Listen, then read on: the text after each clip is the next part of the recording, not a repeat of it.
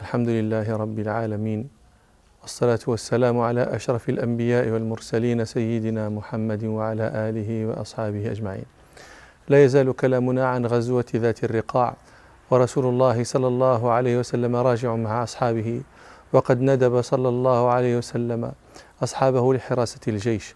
روى الإمام أحمد وأبو داود عن جابر بن عبد الله رضي الله عنهما قال خرجنا مع رسول الله صلى الله عليه وسلم في غزوة ذات الرقاع فأصيبت امرأة من المشركين. فلما انصرف رسول الله صلى الله عليه وسلم قافلا وجاء زوجها وكان زوجها غائبا حلف أنه لا يرجع حتى يهري قدما في أصحاب رسول الله صلى الله عليه وسلم. فخرج يتبع أثر الجيش. فنزل النبي صلى الله عليه وسلم منزلا وقال من رجل يكلأنا ليلتنا هذه؟ يكلأنا أي يحرسنا؟ فانتدب رجل من المهاجرين ورجل من الأنصار فقال نحن يا رسول الله فأمرهما صلى الله عليه وسلم أن يكونا بفم الشعب وكانوا نزلوا إلى شعب من الوادي. فلما خرج الرجلان إلى فم الشعب قال الأنصاري المهاجري أي الليل تحب أن أكفيك أوله أو آخرة؟ فقال اكفني أوله. فاضطجع المهاجري فنام وقام الأنصاري يصلي وأتى الرجل الذي أصيبت امرأته. فلما رأى شخص رجل عرف أنه ربيئة القوم رأى شخصا روى سواد من بعيد فعرف أنه ربيئة الجيش. الربيئة هو هو الطليعة الطليعة الذي ينظر إلى القوم لئلا يدهمهم العدو ولا يكون إلا على جبل أو على رابية ينظر منها. لما رأى السواد وعرف أنه طليعة القوم أخذ سهما فرماه. في الحديث فرماه بسهم فوضعه فيه. يعني هذا المشرك رمى الأنصاري بسهم فأصابه وتمكن منه كأنه وضعه فيه بيده. قال فنزعه. هذا الأنصاري القائم المصلي. فنزعه فوضعه وثبت قائما. نحن عندما نسمع هذه الكلمات نزعه وضعه ثبت قائما. يعني هي عندنا كلمات تقرع الآذان. لكن إذا تصورناها نظرنا فيها هذا السهم خشب. وله نسل من حديد. يدخل يخترق يقطع الجلد ويقطع اللحم ويقطع العروق ويخترق. هذا شيء كفيل بأن إن لم يقتل الإنسان أسقطه. هو مكث ثابتا.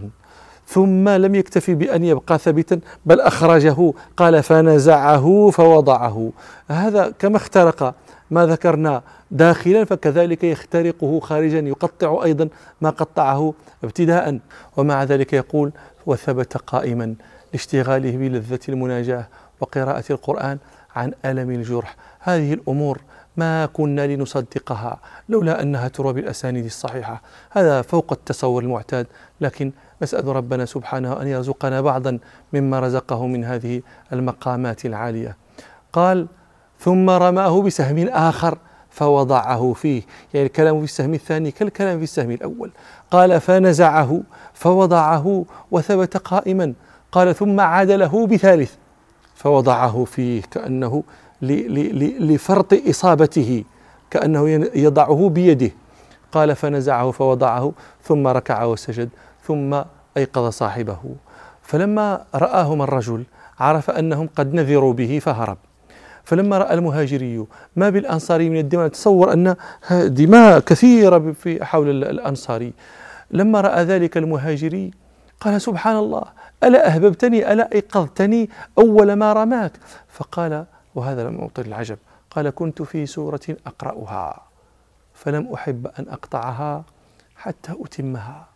فلما تابع الرمي ركعت فأريتك. ويم الله. لولا أن أضيع ثغرا أمرني رسول الله صلى الله عليه وسلم بحفظه. لقطع نفسي قبل أن أقطعها أو أنفذها. يعني هو حريص على حفظ ما أمره رسول الله صلى الله عليه وسلم بحفظه. فلولا أنه يخاف أن يضيع ذلك لأتم السورة أو, أو, أو تزهق نفسه رضي الله عنهم وأرضاهم.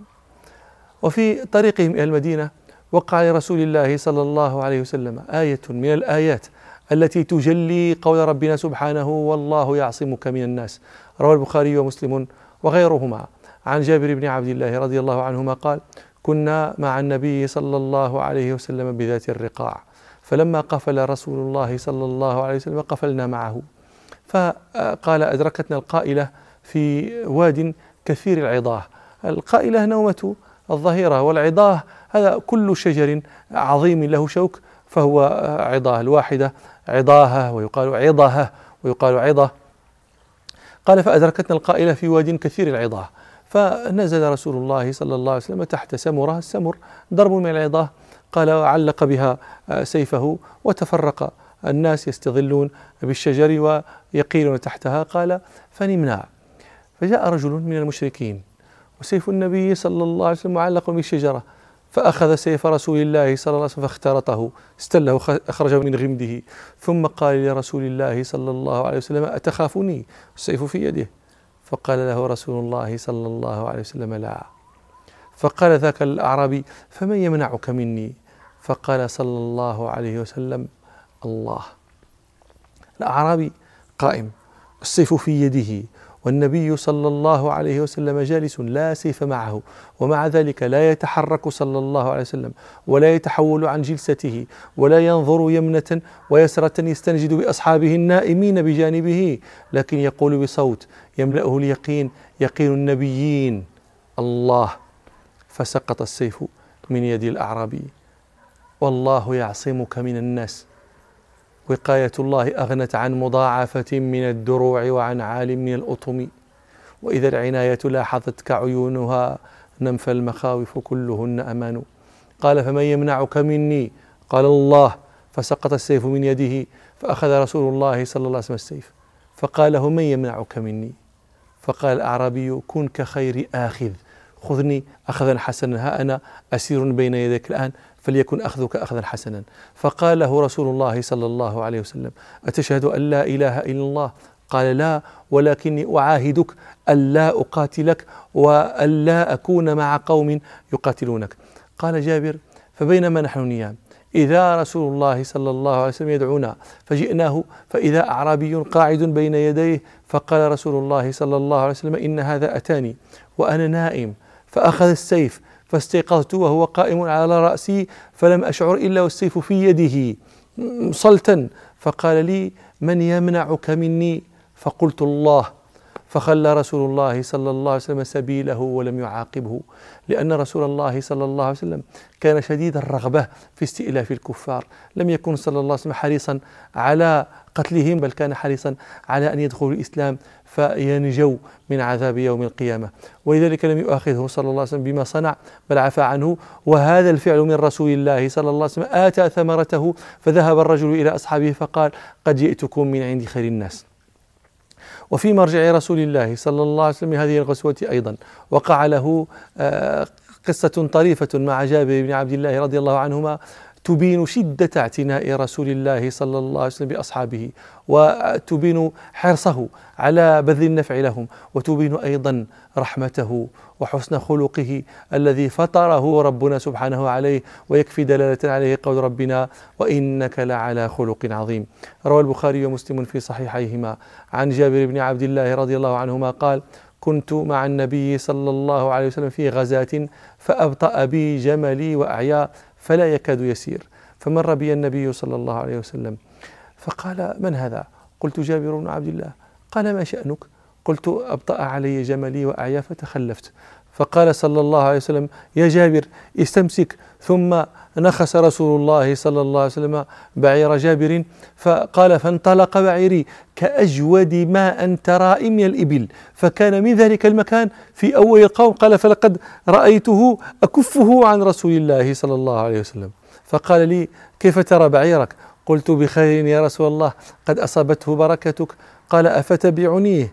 قال فاستحييت. ولم يكن لنا ناضح غيره. الناضح الجمل الذي يستقى عليه. فهم يحتاجونه وليس لهم غيره. لكنه مع ذلك آه، استحيا. فقال بل هو لك يا رسول الله. فقال له النبي صلى الله عليه وسلم أتبيعنيه بكذا وكذا؟ والله يغفر لك. قال قلت هو لك يا نبي الله. فقال صلى الله عليه وسلم أتبيعنيه بكذا وكذا؟ والله يغفر لك. فقال جابر قلت هو لك يا رسول الله. فقال رسول الله صلى الله عليه وسلم بل بعنيه فقد أخذته بأربعة دنانير ولك ظهره إلى المدينة. قال جابر فلما دنونا من المدينة استأذنت رسول الله صلى الله عليه وسلم فقلت يا رسول الله إني حديث عهد بعرس. فقال صلى الله عليه وسلم فما تزوجت؟ بكرا أم ثيبا؟ فقال جابر قلت ثيبا. فقال صلى الله عليه وسلم فهل تزوجت بكرا؟ تضحكك وتضحكها وتلاعبك وتلاعبها.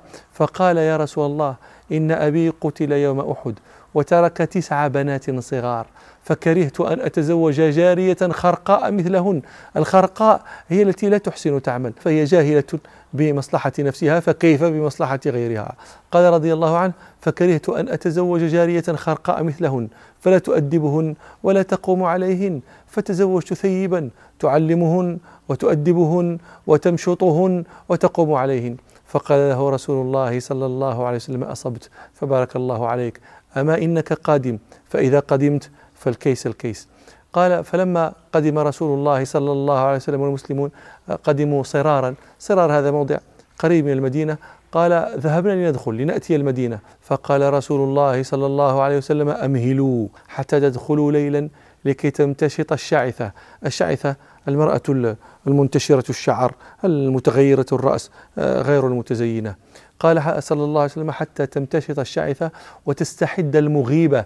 المغيبة من غاب عنها زوجها والاستحداد كما هو معروف إزالة الشعر لأن التي يغيب عنها زوجها هي مظنة عدم التزين. فأراد رسول الله صلى الله عليه وسلم الحريص على أن يكون بين الأزواج الإدام أراد صلى الله عليه وسلم أن يتمهلوا حتى يتأتى للنساء أن يتهيأن لأزواجهن بامتشاط الشعر وتنظيف البدن لئلا يجد أحدهم أهله على حالة يكرهها فتقع النفرة.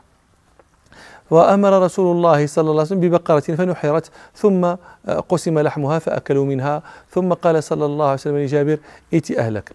قال جابر فتقدمت الناس إلى المدينة حتى انتهيت. فلقيني خالي فسألني عن البعير فأخبرته بالذي صنعت فيه فلامني لا يلومه لأنه لا ناضح لهم غيره فلا يدري هو الآن كيف يصنع. قال ثم قدم رسول الله صلى الله عليه وسلم فجئنا إلى المسجد فوجدته على باب المسجد. قال الآن قدمت. قلت نعم. وعقلت الجمل ثم قلت هذا جملك يا رسول الله. فخرج رسول الله صلى الله عليه وسلم فجعل يطيف بالجمل ويقول الجمل جملنا. فقال لي دع جملك وادخل فصلي ركعتين. قال فدخلت فصليت. ثم رجعت فقال يا بلال اقضه وزده. قال فأعطاني بلال أربعة دنانير وزادني قراطا. فقال النبي صلى الله عليه وسلم أستوفيت الثمن. فقلت نعم يا رسول الله. وانطلق جابر رضي الله عنه حتى مضى. فقال رسول الله صلى الله عليه وسلم لبلال ادعو جابرا. فقال جابر في نفسه الآن يرد علي الجمل. قال ولم يكن شيء أبغض إلي منه من أن يرد إلي الجمل. الآن قد تتعجبون هو في الأول لم يكن راغبا في بيعه آه، للحاجة إليه لأن لم يكن لنا ناضح غيره وباعه استحياء. ثم جاء لما جاء خاله ندمه على بيعه. لكن لما كان الثمن أوفر من قيمته وعرف أنه يمكن أن يشتري به أحسن منه. ويبقى له بعد الثمن. صار يكره أن يرده. فقال في نفسه الآن يرد علي الجمل. فلما رجع قال له رسول الله صلى الله عليه وسلم أتراني ما كستك لآخذ جملك؟ ما كنت لآخذ جملك. خذ جملك ودراهمك فهو لك. فقال جابر فأعطاني ثمن الجمل.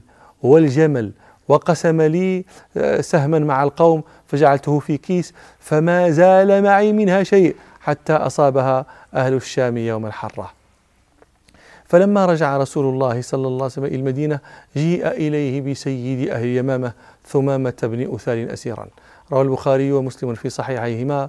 عن أبي هريرة رضي الله عنه قال بعث رسول الله صلى الله عليه وسلم خيرا قبل نجد. فجاءت برجل من بني حنيفة يقال له ثمامة بن أثال سيد أهل اليمامة. فربطوه بسارية من سوار المسجد. فخرج إليه رسول الله صلى الله عليه وسلم فقال ماذا عندك يا ثمامة؟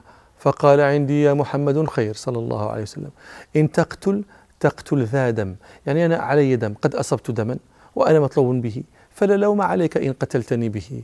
قال إن تقتل تقتل ذا دم وإن تنعم تنعم على شاكر وإن كنت تريد المال فسل تعط منه ما شئت. فتركه رسول الله صلى الله عليه وسلم. حتى إذا كان من الغد قال له رسول الله صلى الله عليه وسلم ما عندك يا ثمامة؟ قال ما قلت لك. إن تنعم تنعم على شاكر. وإن تقتل تقتل ذا دم. وإن كنت تريد المال فسل تعطى منه ما شئت. فتركه رسول الله صلى الله عليه وسلم. حتى كان من الغد أيضا. قال ما عندك يا ثمامة؟ قال عندي ما قلت لك. إن تنعم تنعم على شاكر وإن تقتل تقتل ذا دم وإن كنت تريد المال فسل تعطى منه ما شئت. فقال رسول الله صلى الله عليه وسلم أطلقوا ثمامة. فانطلق ثمامة إلى نخل قريب من المسجد فاغتسل ثم دخل المسجد فقال أشهد أن لا إله إلا الله وأشهد أن محمدا عبده ورسوله. يا محمد والله ما كان على ظهر الأرض وجه أبغض إلي من وجهك فقد أصبح وجهك أحب الوجوه كلها إلي ونكمل حديثنا فيما نستقبل إن شاء الله. سبحانك اللهم وبحمدك أشهد أن لا إله إلا أنت أستغفرك وأتوب إليك والحمد لله رب العالمين.